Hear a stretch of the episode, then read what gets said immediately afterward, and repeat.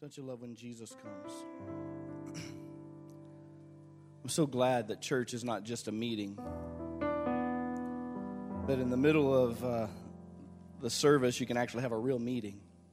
A meeting with the Lord, a meeting where He touches you, He comes upon you, sometimes speaks to you. Sometimes He doesn't say anything, He just touches you and overwhelms you in the process.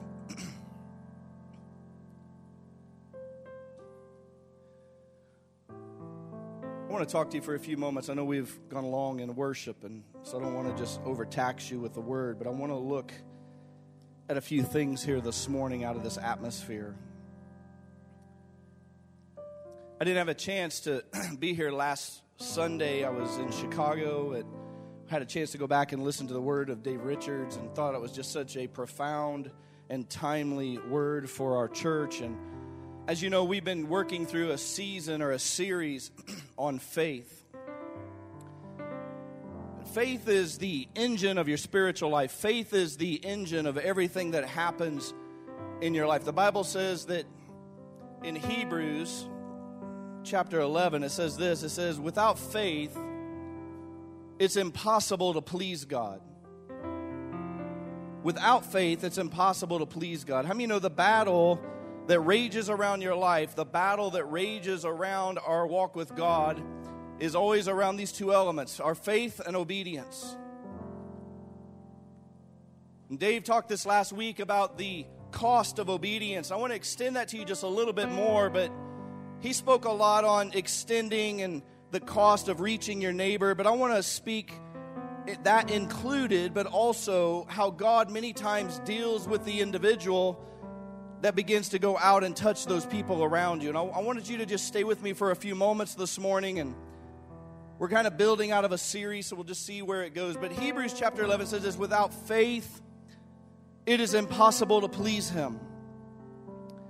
For he who comes to God must believe that He is and that He is a rewarder of those who seek Him. In other words, those who walk with God have the benefit of God. Those who are journeying with God have the benefit of the manifestation of God in their life. That when we come to God, he who believes that God is, he who believes he is who he says he is, he who believes what he said he would do, he would do. He who believes what he said he already did, he has done. How many know it takes faith to receive what God has done in your life? It takes faith to believe that God will show up in things. James goes on to say this. He says, faith without works, or I'm going to look at it, broaden that a little bit, and say, faith without obedience is dead. That you can say you have faith with God, believe God, but if you won't walk with God or you won't obey God, how many you know your faith doesn't manifest into reality? It's a, it's a theoretical faith. It's a, an acknowledgement that God is out there somewhere, that there's a higher being somewhere but to have met God is requirement to walk with God. For me to see God, I have one of two choices. When I come to the reality that God is, and He is a rewarder of those who come before Him, He is a rewarder of one of two ways. When I come to God, I will immediately be put in the point of decision.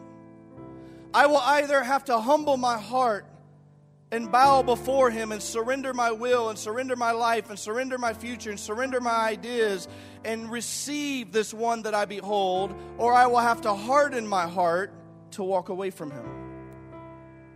But you will always make a decision. In every decision that God reveals Himself, in every decision that God speaks to you, you will either humble yourself in obedience or you will resist Him, which causes blindness to come to you.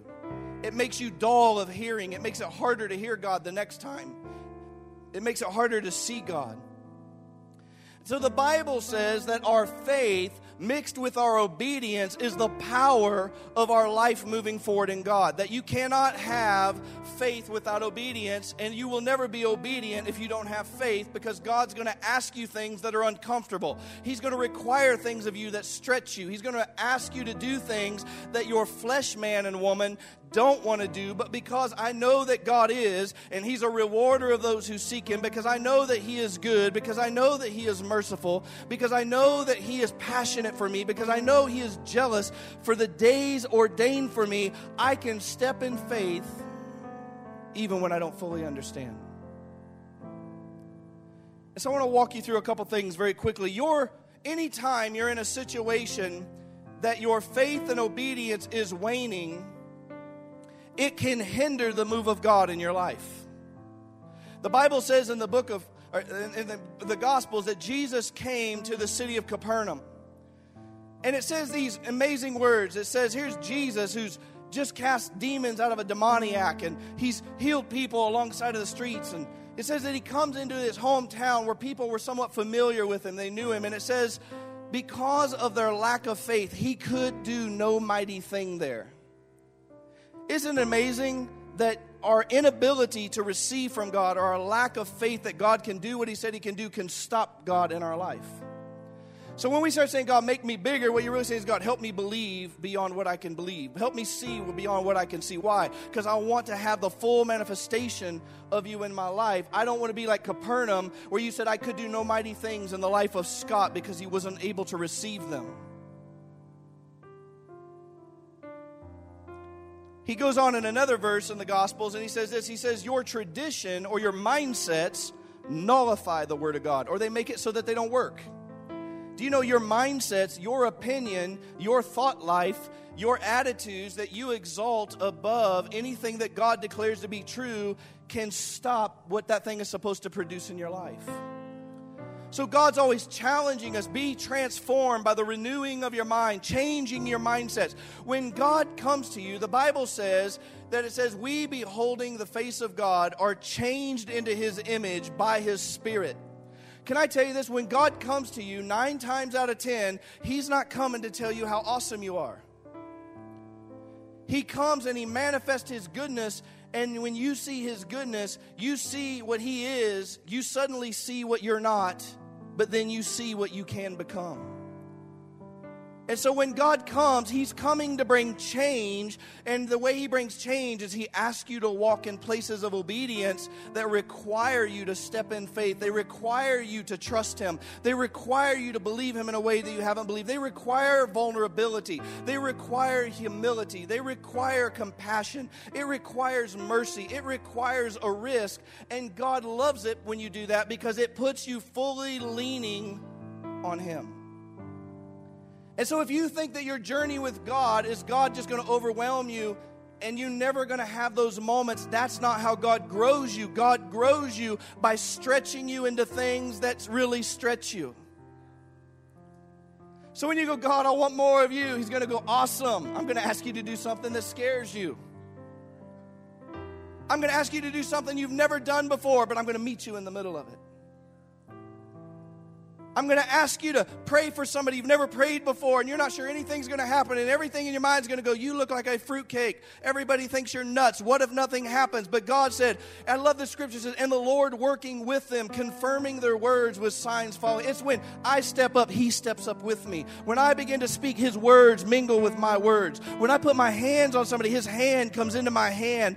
And I can't make that happen. It's me on this journey, shoulder to shoulder with the Lord. And I begin to go, I believe believe that He is a rewarder of those who seek and walk with Him, that faith with works creates opportunity. And I know the way I'm going to grow, the way I'm going to mature, the way I'm going to become activated, the way I'm going to have a testimony is you're going to require my faith to become bigger, and my faith is going to become bigger as my obedience becomes bigger. And as those things mingle, I get the kingdom of God in a way that I've never had. Can I tell you right now, God's trying to bring the kingdom in your life in a way that you've never had. I'm going to pause for just a minute. I want to show a couple scriptures with you. We're going to come back. Stay right there with me, Alex. The Bible says in the book of Genesis that when Adam sinned in the garden, that he gave away dependence on God for independence. That's why God stresses faith so much in the Bible because faith is the opposite of independence. Faith is the opposite of me trusting me and me relying on me and me trusting that I can get my own strength and I can make my own way and I'm good enough and bold enough and brave enough and strong enough.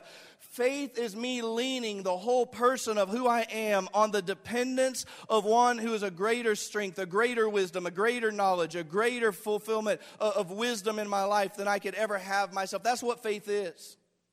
And the quality of our relationship with God can be measured by our consistent obedience to God's instructions. Listen to that. The quality of our relationship. Can you know you can believe in God but not be walking with God?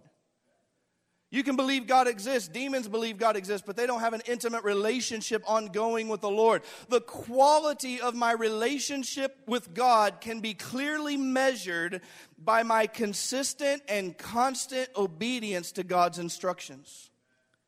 Jesus said these amazing words. He says, Why do you call me Lord, Lord, if you don't do what I say? In other words, I want you to walk with me. And the way this journey unfolds is I'm going to ask you to come through the doorway of obedience that you cannot have faith without obedience. You can't have God your way. You can't live in a way that's opposite of how God instructs and, and, and testify or think God is with you in a way that He is pleased with and He's growing. You have a knowledge of God. You can be around godly things, but that's much different than the kingdom living in you. God sitting on the throne of your heart, Him leading the instructions of your life. The Bible calls that deception. It says that many will say to me on that day, Lord, Lord, didn't we preach and prophesy and go to church and serve in nursery and usher and put money in the plate? And he's going to go, Depart from me, you who practice lawlessness. I never knew you. In other words, you were around me, but you didn't walk with me. You believed in me, but you didn't obey me. You acknowledged I existed, but yet you didn't come to me and allow me to change you from the inside out. You're never good enough in your own strength. You're never good enough in your own power. But as you humble yourself before before the Lord, a transformation begins to take place. And so God is big on this thing about obedience because obedience is a banner of our surrender and our love and our devotion to the Lord. He says, if you say, I believe in the Lord, but I don't obey the Lord, he says, you are a worker of iniquity. What does that mean? It means he told one group of people, he said, You're of your father, the devil. And you're of your father. How many know there's only two fathers in the earth? And I'm either surrendered and growing and, and being nurtured and maturing into the relationship with my loving Father from heaven, or I'm rejecting His counsel. And even though I believe He exists, even though I can come to a meeting, even though I can go to church, I can attend Bible group, if I never allow that King to sit on the throne of my heart and lead my day to day decisions and lead me into His will and truly surrender to Him, I can be around the things of God, but not be in the things of God and be deceived deceived. And so the quality of my relationship with God is often and can be fully measured by my consistent obedience to God. Let me ask you, are you in obedience with what God is asking you to do right now?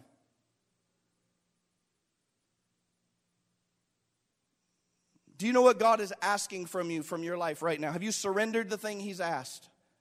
Have you given him the relationships that he's asked of you? Have you, have you given yourself to the people that he's asked you to give yourself to? Have you, have you talked and acknowledged things in your life that he's pushing on to go, I want to talk about these areas of your life. I want to help you in this thing of your past. I want you to begin to separate from those things. Are you walking in obedience unto the Lord? What is he asking of you right now?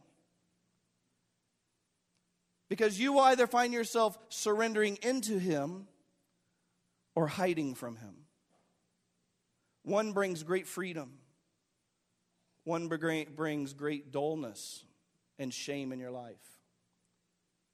And so when we talk about obedience, God wants us to reach the city. God wants us to reach the people around you. But you know how He's going to do that? He's going to make you the living testimony of the power of God and the goodness of God. I want to show you a few things here in the scripture. Dave Richards made this amazing comment. He said, Delayed obedience is disobedience. Delayed obedience is disobedience. In other words, you go, God, I'll get around to that. That's disobedience. The Bible calls that rebellion.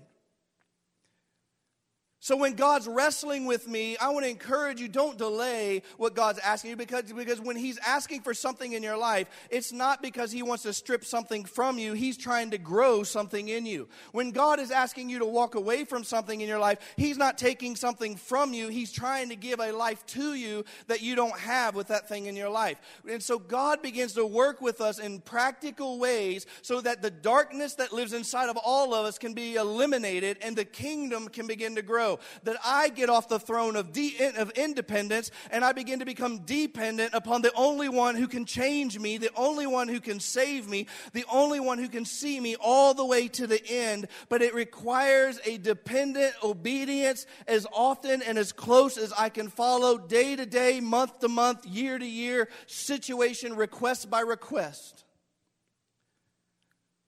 Obedience, Dave made this comment and I liked it. He said, Obedience is often inconvenient. God is going to ask you to do things. You're like, Really? You want me to do what?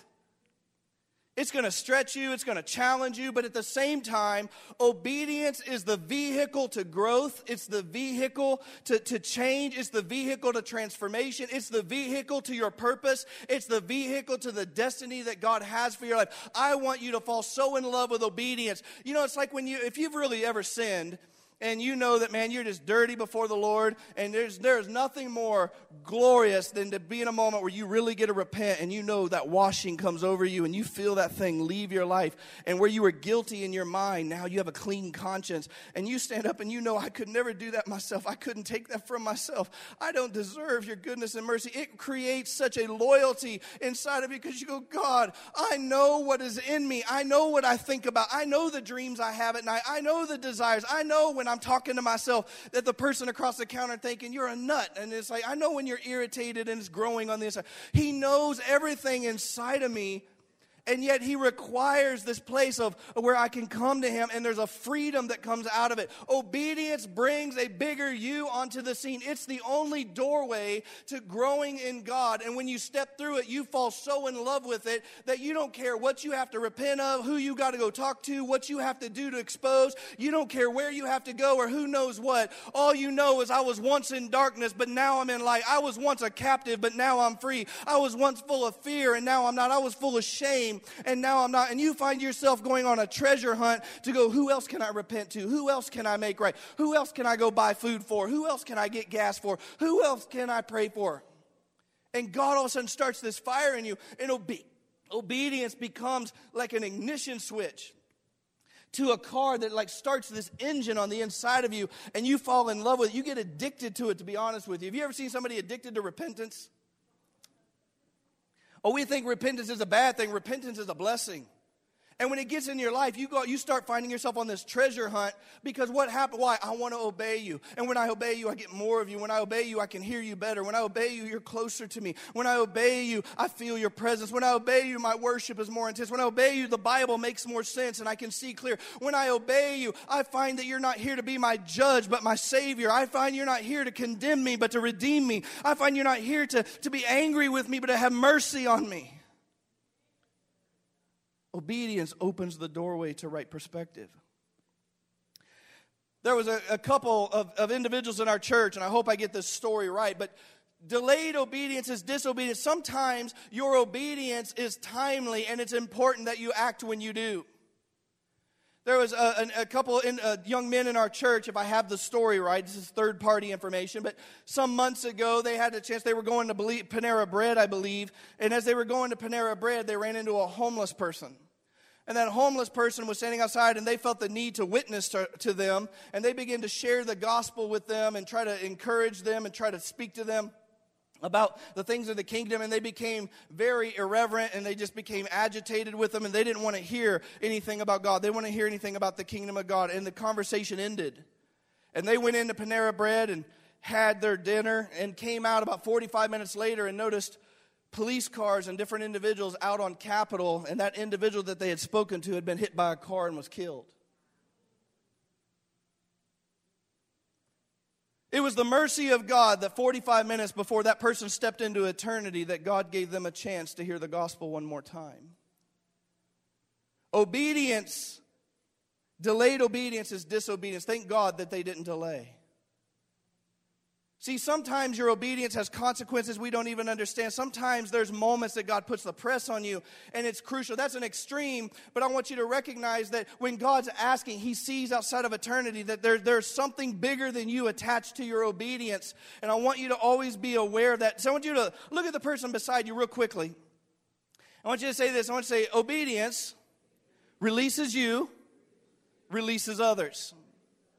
Say, obedience releases you, releases others. Okay, I got a few moments remaining here. I want to work through some scriptures very quickly. We're just going to lay some stuff in the room this morning that we'll work out of here over the next few weeks. What are we talking about? Obedience. Obedience and faith are the engine to your spiritual growth. See if I can get my uh, little clicker thing here to work. All right, well, I want to look at a few scriptures. Romans chapter 1, verse 5.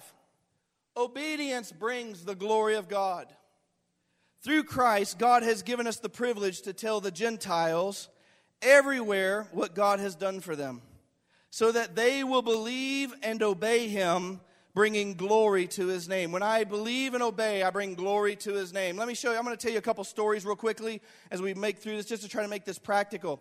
Many years ago, I was uh, running from God, I was angry at God and I was not being obedient to God. And I went to a party one night and I was drunk out of my mind and I had almost ended up in a fist fight with a friend of mine. And I was sitting at this party and it was about 11 o'clock at night and all of a sudden i began to become very agitated and i began to it's like i wanted to get out i wanted to escape i wanted to, to, to run from that party and i couldn't figure out what was going on so i left and i left this hotel that i was at and i ended up finding myself sitting on an overpass watching the cars go by and looking at the red tail lights and a few moments later, this big van comes over the top of the overpass and stops. And a, and a guy goes, Hey, hey, hey, why don't you get off the bridge before you fall? And I get off and he looks and he looks at me and he goes, Scott?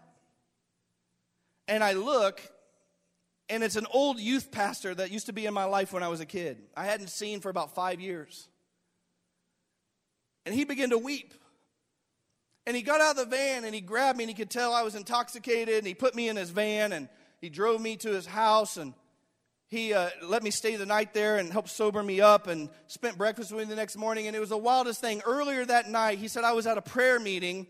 And he said, That night, God began to bring you to my mind. And we stopped the prayer meeting and began to intercede for you. And we didn't know where you were, hadn't seen you in all these years, and began to pray. And he said, I began to pray that God would get a hold of you and apprehend you, and you'd remember the things from old.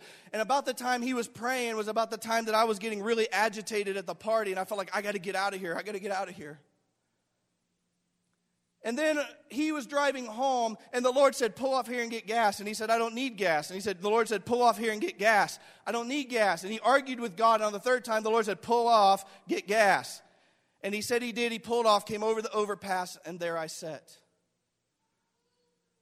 You see, obedience has many ways. God wants us to reach people around our lives in ways that we don't even imagine. That man had no idea earlier that night while he was praying that I was being rescued out of a party. I was being rescued out of a life that was trying to suck his life into me. Being anointed to tell the Gentiles, like myself, everywhere what God had done for them so that they can work, serve and obey God and believe in God so that God can receive glory. That man's obedience grabbed a hold of me that night and allowed me to be able to get my head corrected. And I ended up started going through a whole process that summer where God began to grab a hold of me. That man's prayer, that man's obedience to get gas, that man's obedience to pray one night when he didn't hadn't seen me in five years, that man's a willingness to take me home and let me sleep my drunkenness off his couch, that willingness for him not to judge me and to get in my face and tell me everything I wasn't, but to love me and to show Jesus to me became the gospel in motion. His faith and obedience allowed me to be like a Gentile to hear the goodness of a God who loved me in my worst state so that I could believe and and obey him and that I could bring glory to God. It says in 1 John chapter 2, it says, if someone claims that I know God but does not obey God's commands, that person is a liar. And he is not living in the truth. But those who obey God's words truly show how completely they love Him. This is how we know that we are living in Him. In other words, our obedience in the small dealings of God show our surrender to God. That our, our willingness to surrender and obey with things that we don't want to do is what shows God how much that it shows God where it says, I choose you. Okay? Let me give you another quick story. Right about this time, many years ago, God was dealing with me in my life, and He was trying to find out how much do I own you? How much do I have you? Do, I, do you just believe in me, or are you willing to obey me? And the Lord started talking to me one day, and I was trying to serve God at this point, And I was like, Lord, is there anything between us? Is there anything that you need to talk to me about? And he goes, Well, as a matter of fact, there is. And he said, Many years ago, you stole $7 from your Aunt Chris, Tina, out of a change jar and let your other cousins take the rap for it, which I totally did. And he said, The Bible says that when a thief is caught, he owes seven times what he stole. He goes, You owe your aunt $42. I want you to write a letter to her and acknowledge what you did, and I want you to ask her forgiveness. And you send her a check for $42 for that money. And he said, Oh, and besides that, there's a pastor that was in my life that was persecuting me at the time because I had gone to a spirit filled Bible college and his wife was sick and she hadn't gotten healed from God and he was very angry at God. Therefore, he began to persecute me openly from his pulpit and about me going to this particular Bible college and name things. And I had gotten really personally hurt and wounded from these things and very offended by those things. And the Lord said, You're going to write that man a note and you're going to put honor on him and thank him that you had a house to grow up in when you were a kid to find me. And that's the, that's the first place I ever heard God speak to me at. And he said, You're not going to deal with the things that are in his life. You're going to send a letter of honor to that man. And I, at that point, I was like, well, one, I don't want to tell my family I stole money. Two, I don't really have 42 bucks. At that point, I was young and broke. And at the same time, it's like, I definitely didn't want to forgive this pastor. And the Lord wrestled and he said, Well, if you say that you walk with me, but you won't obey me, you're a liar and you don't practice the truth. And it became real, real. Obedience and faith became real practical. And I remember I wrote that letter to my Aunt Chris, and I wrote a check out for $42, and I, I wrote a letter to my pastor, my previous pastor, and I put honor on him. And I remember when I walked to the mailbox in, in Kirksville, Missouri, and I put that thing in the mailbox, when I dropped it in the mail, I felt something physically leave me. You see, the letter wasn't for them. The letter's because I was enslaved to bitterness. The letter was because I was a thief. The letter was because I had been a liar. The letter was because I had hidden things that nobody knew, and they were doorways for the enemy into my life. And God loved me enough to say, Son, if you're going to walk with me, I've got to get you to be obedient because the obedience just isn't about the letter. It's about you that I'm after to make you what you're supposed to be. But I have to have you separate from the hidden things. You have to separate from the unknown things. You have to separate from the things that the enemy wants to use in your life to make maintain access to you. And I remember the day I dropped that letter, I never did hear back from that pastor, but when I, that letter went into that mailbox, I felt a demonic thing come out of my soul. Now, what had happened is when my Aunt Chris got that letter, she had recently gone to a meeting and given her life to the Lord, and she didn't have any money either. And she was like, Lord, if you'll give me some money, I'll give it to this ministry as a way that I want to serve you and to be set free and about two days after that meeting, she got a letter in the mail from her nephew Scott saying, I stole, four, I stole $7 of your money. And all these years I've lied about it and I've hidden it. And here's the $42 that the Bible says that I owe you. And you know what happened? I got free from hidden things. She got faith that God heard her to put resources into her hand, and He built His kingdom. Faith and obedience were working. It goes on to say in John chapter 12 Jesus replied, All who love me will do what I say. My Father will love them, and we will come and make our home with each of them. And anyone who doesn't love me will not obey me. Listen to that. God's perspective is really clear. If you love me, you will obey me. If you don't love me, you won't obey me. And he says this These words are not mine, that I'm telling you, but they are from the Father who sent me. God the Father puts a big weight on our obedience. See, obedience is not optional. Obedience is the expression that says, I choose you. Write a letter, I choose you. Repent to your former pastor, I choose you. Let go of those people. I choose you. And so God began to talk to me, and it says that those who do these things, God will come and make a home with them.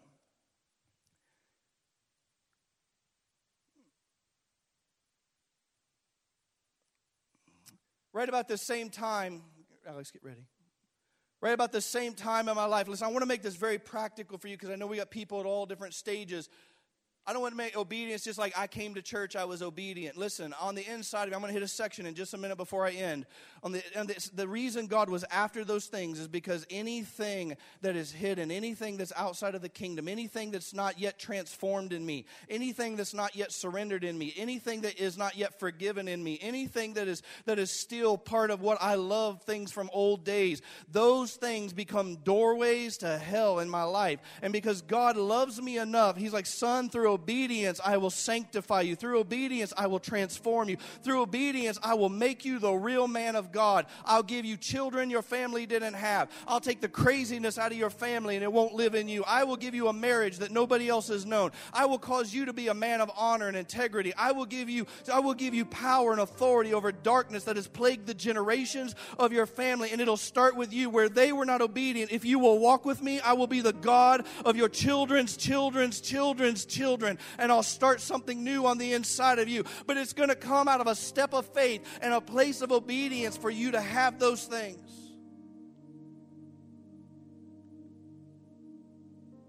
And God began to deal with me and I was like, God, I want you. I don't want to go to church and be a good church person. I don't want to sit in a pew and stare at the back of somebody's head. If none go with me, I will follow. I used to love that song because it was like, Lord, if nobody else wants to walk with you, I want to walk with you. If nobody else wants to hear your voice, I want to hear your voice. I want to walk in a room and the atmosphere change, not because I'm great, but because you're with me.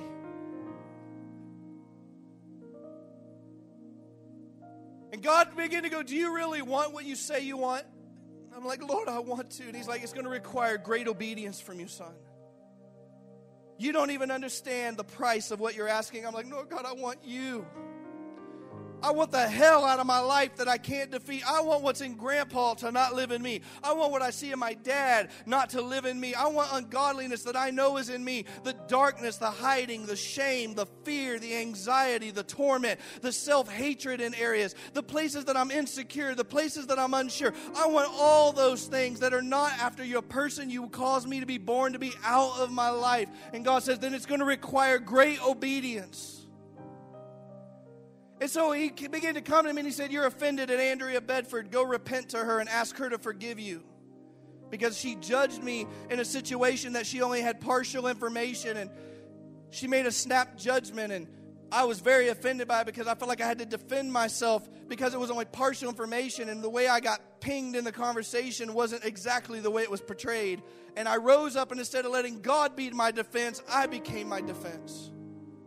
And God, I was kneeling down one day and He's like, You're going to go repent to her if you want to walk with me like this. You know what I did? I repented and I owned it. And then He said, You took a trip to Seneca, South Carolina. And you have all these pictures of places you went and people you were with and things you did. And it was like the big 18 trip. I took it, I had three weeks out on the road with a friend. I had all these snapshots in a binder, my memories of my past. And the Lord came to me and He said, I want those photos out of your house.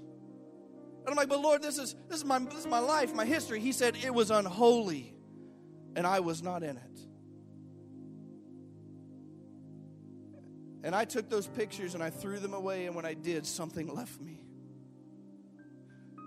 and conviction came upon my house and god began to deal with me and angel and he said i want these movies out of your house. I want these books out of your house. I want these letters from the people in your past that are speaking ungodly things about you that you think you got to hold on to. I want those out of your house. And the purging of the move of god began to come through our life. What does it say? That obedience draws god near to you. When i began to go god whatever you have to touch whatever you have to walk through however practical it has to be i want a move of god in my life. It's not going to look like just laying at the altar. It's going to be going through your closet, going through your media. It's going to be going through your phone, going through your Snapchat, going through your Facebook, going through your video selection, watching your YouTube followings. And he's going to go, I'm going to require everything that's an entrance of ungodliness in your life, anything that could be a hook. I'm going to ask you to walk with me in obedience.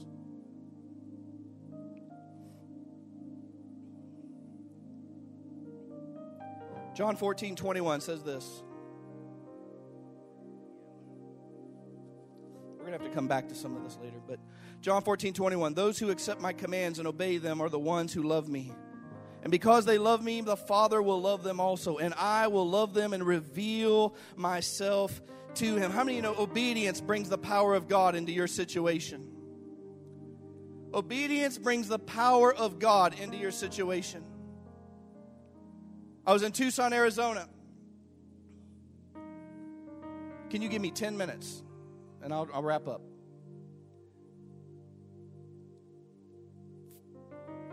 I was in Tucson, Arizona, and I, Angel and I were broke. I had sold our house, and we were in a season. I'd been off work for 10 months, and I kept trying to get a job and couldn't get a job. And I kept going, God, I'm trying to obey you. I'm trying to believe you. I don't understand where you're at. And I remember I was down to our last 300. We had blown through about $15,000 worth of of, of revenue over that 10 months, and I was down to the last bit. Angel was on bed rest with our son Josiah, and I had just enough money to pay half of our bills that were coming up, and I didn't know what to do. And that day, I, I came home from church, and I remember the Lord spoke to me, and He said, I want you to write me a check for everything in your checkbook. And I was like, Are you crazy? I can't pay the bills the way they are. What are you asking? And God began to wrestle with me about do you trust me? And I had to sit and go, God, I choose you. I don't, this makes no sense to me, but I choose you. And I remember I talked to Angel on bed rest, and I'm like, I am going to write a check tonight and empty our checkbook, as little as it is. I'm giving it all, and I don't know what's going to happen. It was about 2 o'clock on Sunday afternoon, and I wrote the check. And that night I went to church, and everything inside of me is screaming, You're an idiot. What is wrong with you? This is nuts. God would never ask you for something like this. God was your provider and all these things are screaming in my mind, and God was testing me. And that night I got to church and I put the money in the offering and I let go of it. And we went through the meeting, and at the end of the meeting, this man that I was aware of, but it was really kind of just getting to know, walks over to me and he says, Brother Scott. And I said, Yeah. And he said, About two o'clock this afternoon, the Lord spoke to me and told me to give you this. And he handed me an envelope and he walked off. And later that night, I opened that envelope, and it was not only what I needed for our month's bills, it was about four times what I needed. And God began to show me that in obedience, that you can trust me, that He was, it's not about the money, it's about can you trust me?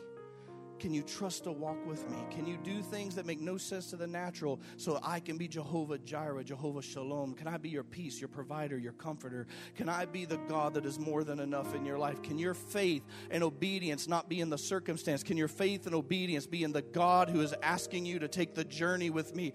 And I realized on that day, I was grateful for the money, but the money came and went. I wrote those checks out in one day, but the faith that came out of that moment is still living on the inside of me all these years later later, and I begin to go, You're faithful. I can trust you. I can believe in you. Your eyes are upon me. You know where I'm living. You know where I'm at. Why?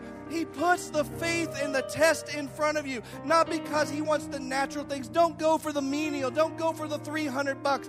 Go for the God of the journey.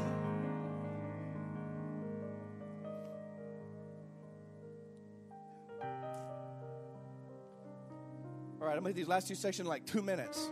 And we'll have to come back to these.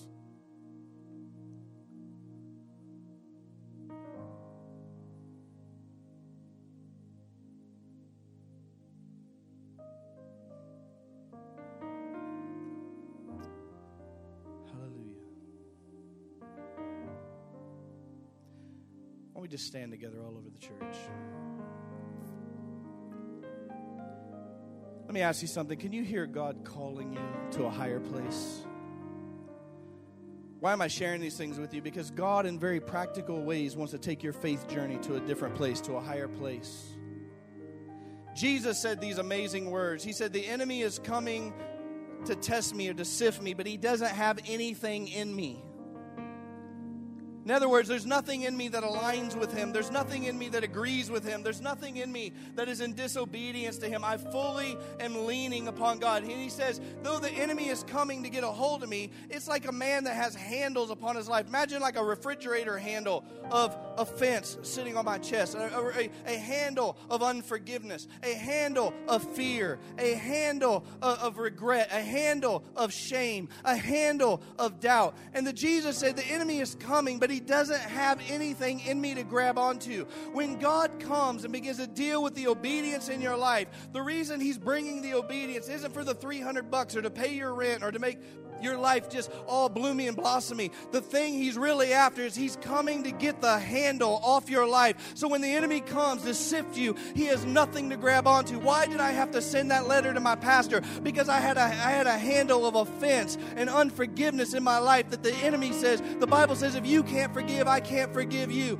The Bible says no liar will enter into the kingdom of heaven, but I was a liar. I was living in secret. I was hiding things in my life that nobody knew about but God. And God many times over came and said, I want you to bring that into the light. I want you to go tell your pastor. I want you to go talk to your home group leader. I want you to get out that out of the darkness. Why? Because it is a handle in your life that the enemy is accessing you through. And I would have perverted dreams and bad thoughts and, and fear would come over me. And I was like, where are these coming from? And the Lord was like, it's coming through the handles in your life. And if you'll obey me, son, I'm going to require things from you that snap the handle off. And every letter that you write, every time you go, I forgive you, every time you send a check off, every time you obey what I ask you to do, I will break the handle that the enemy would use for access into your life off of your life.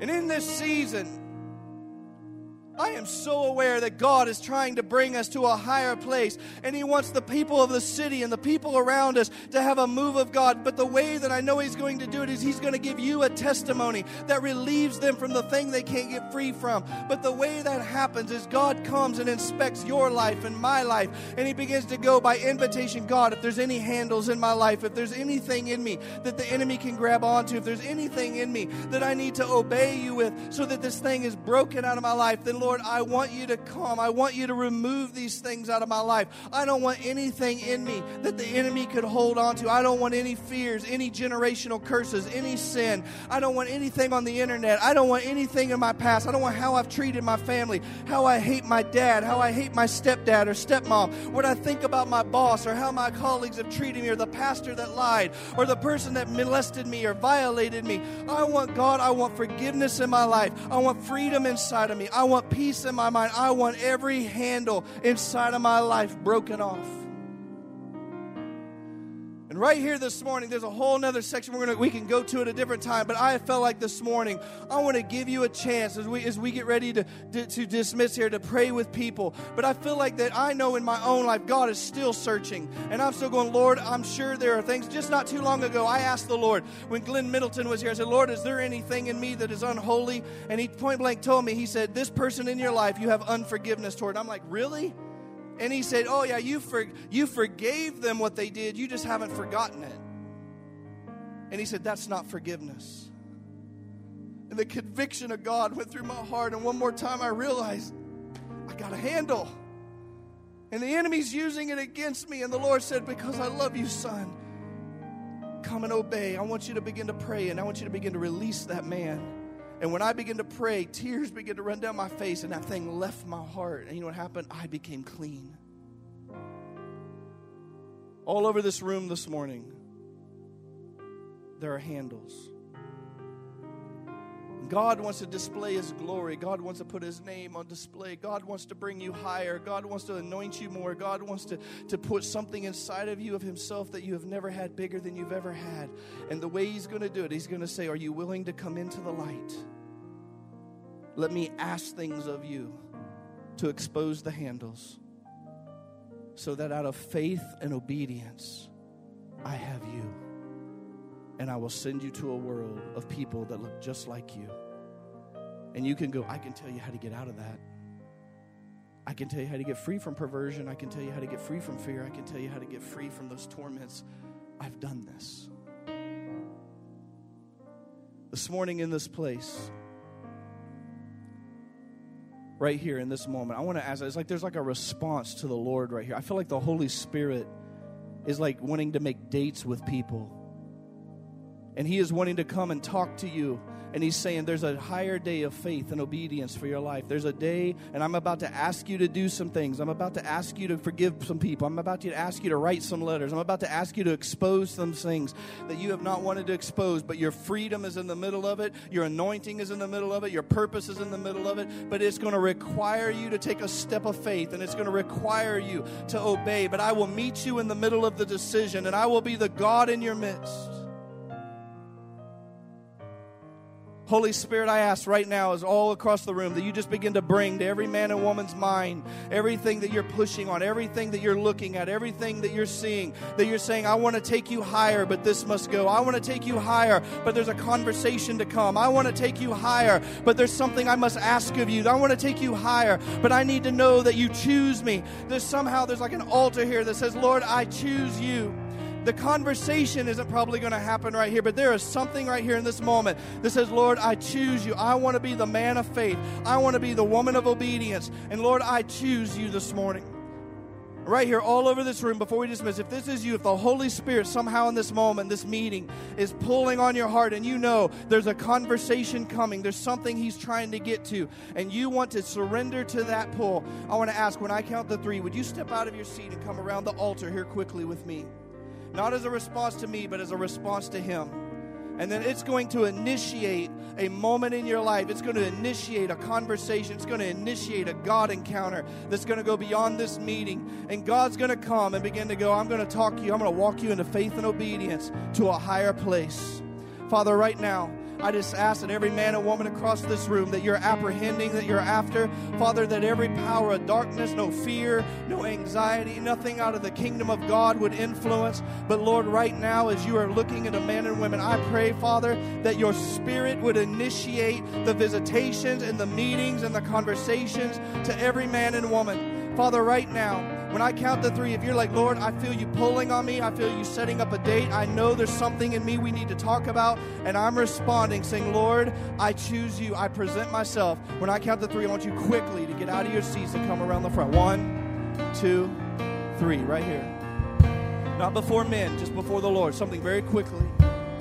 And I want you to come and I want you to just stand before the Lord right here. It's like it's like it's like you're accepting an RSVP right here. You're accepting an invitation to a dialogue. You're accepting an invitation to a moment from heaven. Come on, all over the room. If it's somewhere in your heart, don't. If it's not in you, you don't have to answer. But if it's something and you go, Lord, I realize there's there's a conversation I had there. You're trying to bring me into something new, and I am responding right here.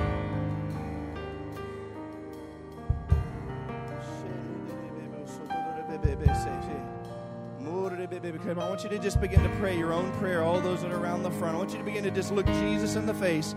This is your receiving. You're receiving personally. It's just, it's just point blank conversation. Jesus, I feel like you're talking to me about this. I feel like you're putting your finger on this.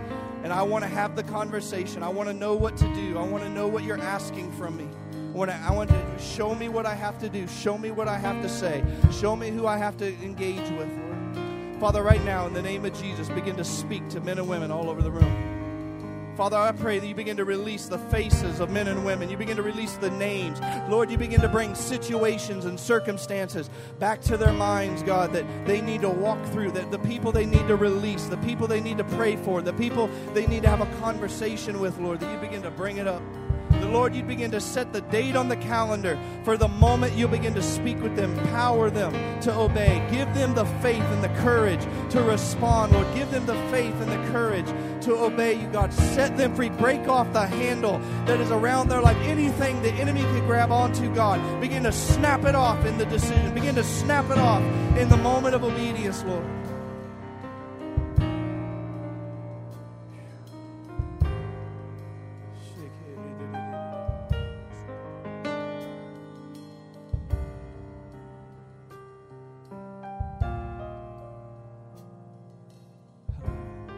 Across the front, if you're responding, I want you just to say, Lord, I receive the visitation of the Lord. Help me hear you. Help me know what you're asking from me. Set me free. Set me free, Lord. I want no darkness in me. I want no handles in my life. I want no hidden things. Bring me into the light, Lord, and set me free. Bring me higher. In Jesus' mighty name.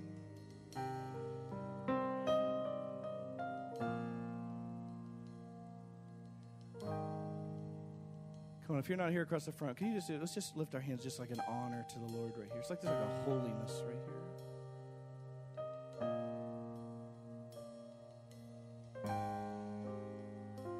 I see the Lord like flinging conversations out across the room.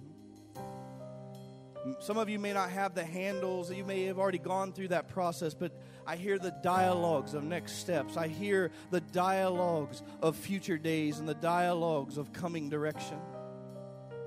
I see question marks that are hovering above men and women's heads, and I see the Lord saying, I'm coming to remove the question mark where you don't know what to do and you don't know where to step and you feel blind. For I'm about to give you sight and direction, and it will take one step at a time, one stone at a time, will we make this journey. But I will lead you out of the valley, and I will bring you to a great peak where you can see. Come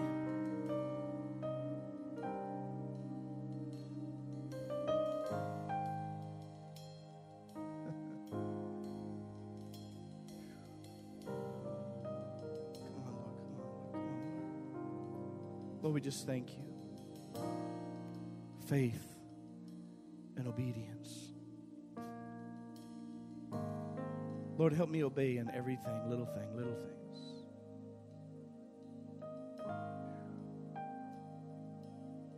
Little things. thank you, Lord. Thank you, Lord. Thank you, Lord.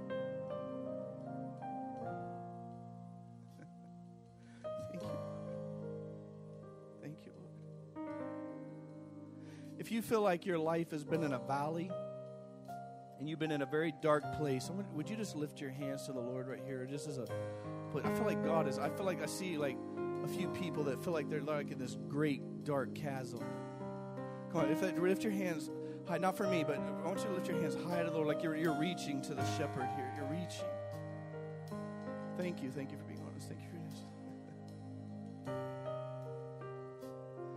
saw you laying like in a ditch and you didn't know how to get yourself up. And you felt like you were at the end of your strength and you felt like you were at the complete place of weariness and almost the place of, of giving up. And I heard the Lord, like the Psalms 23, like the shepherd saying, I am coming to pick you up and to put you upon my own shoulders. For I will carry you in this season by my spirit. And this valley will not be the valley of your future, it will not be your end, said the Lord. For I have heard the cry in the middle of the night, and I have seen the tears upon your pillow. And I am coming to bring great strength to your weariness, and I'm bringing great strength to your brokenness. And I will cause life to return, and I will cause hope to come again. For I am the shepherd that walks you through the valley of the shadow of death. And you do not need to fear evil, for it will not overtake you. If you will cling to me, I will cling to you, and I will be your guard both to your right and to your left, and I will carry you from this place. I will not leave you abandoned. I will no longer leave you in silence. Heard somebody like, Lord, if you would just speak to me. Lord, why won't you speak to me? Why can't I hear your voice? God, I don't know what to do. Just speak to me. And I heard the Lord say, I'm coming to break the silence. There's somebody here, it's like, it's like a tormenting place. You're like, I can't hear your voice, Lord. I can't hear you right now. And I don't know what to do, and I don't know where to go. And it's almost become like a great place of fear around your life. And it's like, I hear the Lord. It's like, I am coming to break the silence. I'm coming to break the silence. I am coming to break the silence. I am coming to break the silence. Father, I take authority over that thing that I see wrapped around their mind. In the name of Jesus, I command the tension and the mental weight to begin to break off of them in the name of Jesus. For their ear to open to the Spirit of the Lord. The weariness of their soul to gain strength right now in the name of Jesus. name of Jesus.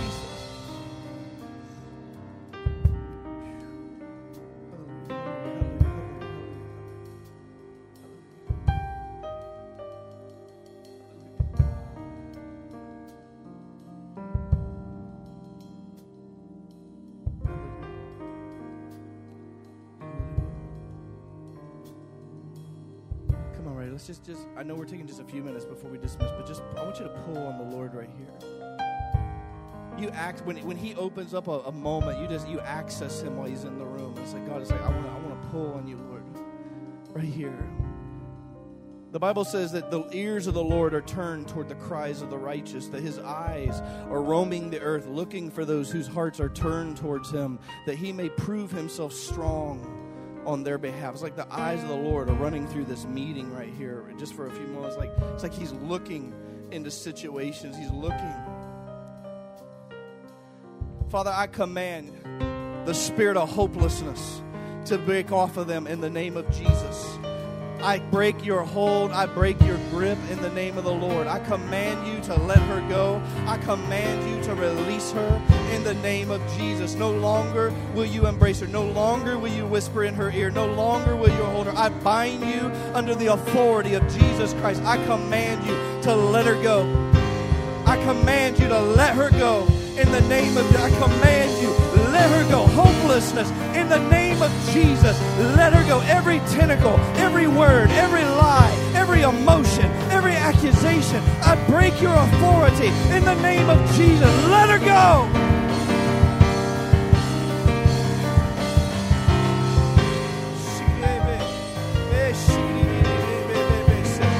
Oh, come on, come on, right? It's like there's like a rending of the darkness away from people right here. Come on, just stretch into heaven. Stretch toward the Lord. Stretch toward the Holy Spirit right here. Father, every lie, every accusation, every place of darkness, every garment, every place of weariness, we bind in the name of the Lord. Separate from the people of God. Separate from the children of the Lord. Separate from the children of the Lord.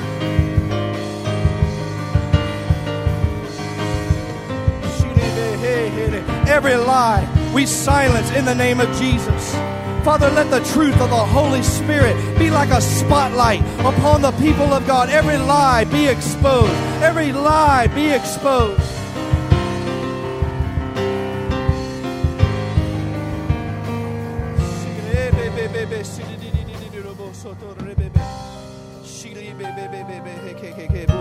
Come on. Come on. Listen right here. There's like a fight God is trying to raise up inside of some of you right here. Some of you is like this, like it's almost like you've laid down. Like the enemy is coming, it's, it's causing you to want to lay down. It's like right here, I want to say it's like there's like something here. Right here, it's like if you like stand up before the Lord, it's like I got I want to take my stand. Father, Lord, let boldness begin to come upon your people. Every man and woman that has wanted to cower under the weight of the enemy, wanted to cower under the lie of darkness, wanted to cower under the under the fatigue of life, Father, in the name of the Lord, strength.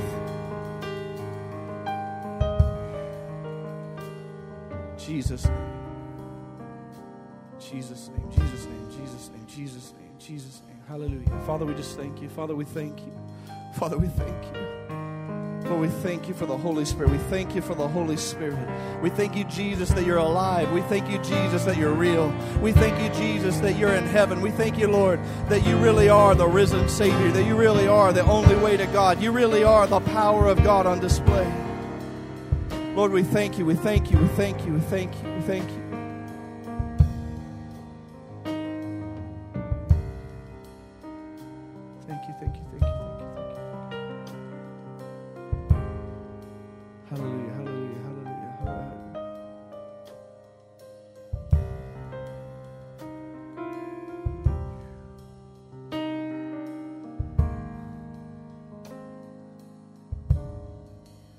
Sam's girlfriend. I can't remember her name. I probably Ariana or something like that. If I can mess it up, but listen, please lift your hands.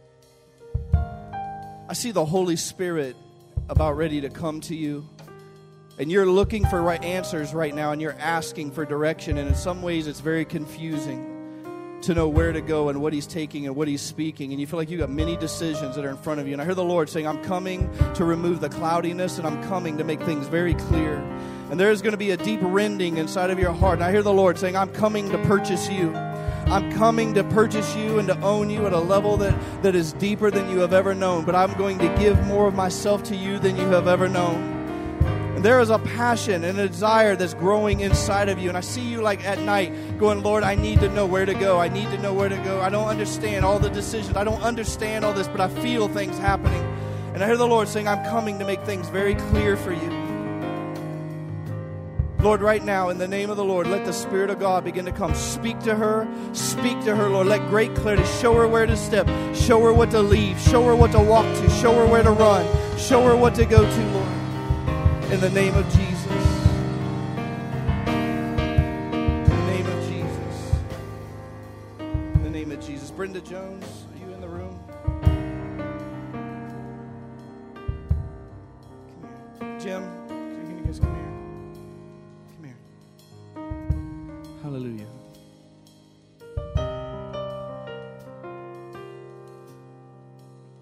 We're going to pray for, for Brenda Jones right here, but we'll lay hands on her. David Hayes in the room. I don't see him, but all right. Brenda, we're going to release the sovereignty of God into your situation. Come on, I want, I want us just to believe across the, the, the room. She just, there's some things that she needs to really have God move upon and move in, in her situation. And, and we're just going to believe God to begin to meet her in a mighty way right here while this atmosphere is in the room. Father, we just thank you. I want to ask that you just become, would you, all this room, would you just begin to pray for Brenda that the sovereign will of God would come into her life, the sovereign power of God would begin to come into her life right here. I want to just pray for her, Jim. Hallelujah, hallelujah, hallelujah, hallelujah, hallelujah, hallelujah. Hallelujah, hallelujah, hallelujah, hallelujah, hallelujah, hallelujah. Hallelujah. Listen, he's real. He's real. God, the Holy Spirit is real. It's like he's he is coming to cultivate something with us. He's coming to cultivate something fresh, something new. When you leave this meeting and you go into this week, realize this is, this is what church is church beyond Sunday. God wants to be here tomorrow. He wants to be here on Tuesday. He wants to be here on Wednesday. He's coming to ask you to walk with Him in very real and practical ways. He's going to ask you to do something that says, I choose you. I love you, Lord. And I love you in a way that it influences my decisions, it influences my actions.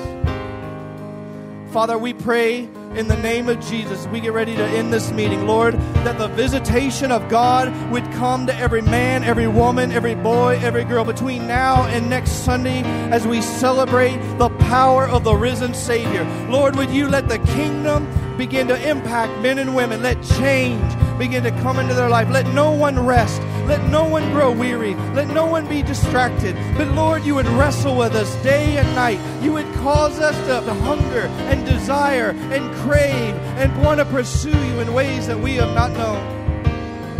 Holy Spirit, visit your people. Visit those that are not here this morning, those that are on live stream, those that are across the country.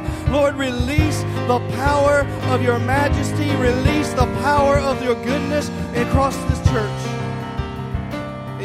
Jesus' awesome and mighty name.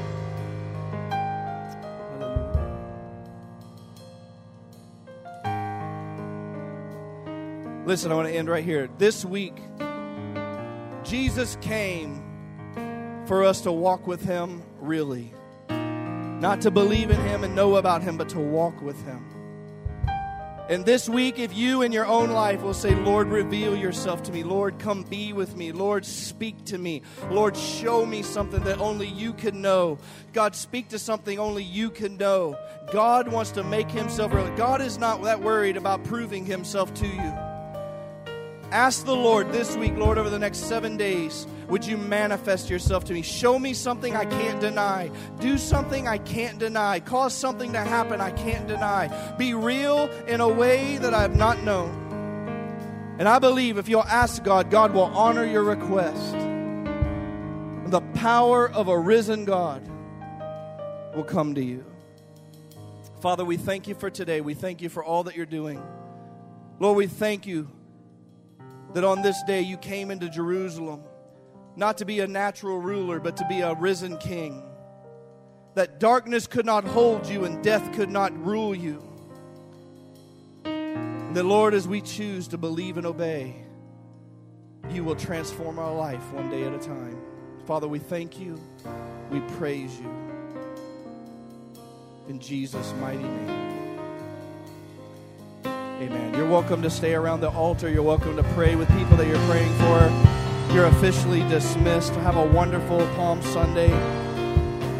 Enjoy one another. Have an awesome day. If you're in prayer, please feel free to leave here. If you're praying, please feel free to pray.